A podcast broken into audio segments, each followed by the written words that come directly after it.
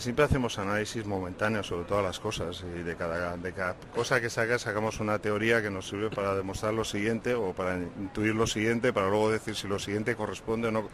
Yo prefiero darle tiempo a las cosas. Yo creo que el proceso que el equipo está siguiendo es bueno, es positivo. Cuando el árbitro empieza el principio del partido tampoco en el marcador aparece nada de eso, aparece 0-0 y esa es la eliminatoria que nosotros tenemos que pasar y la que, la que tenemos que solventar para estar en cuarto de final, sabiendo que tampoco, como decía antes, si, eliminamos al City no vamos directos a Lisboa. Bueno, dándole desde ese punto de vista al fútbol, no sé, la trascendencia o el peso de lo que debe tener, ¿no?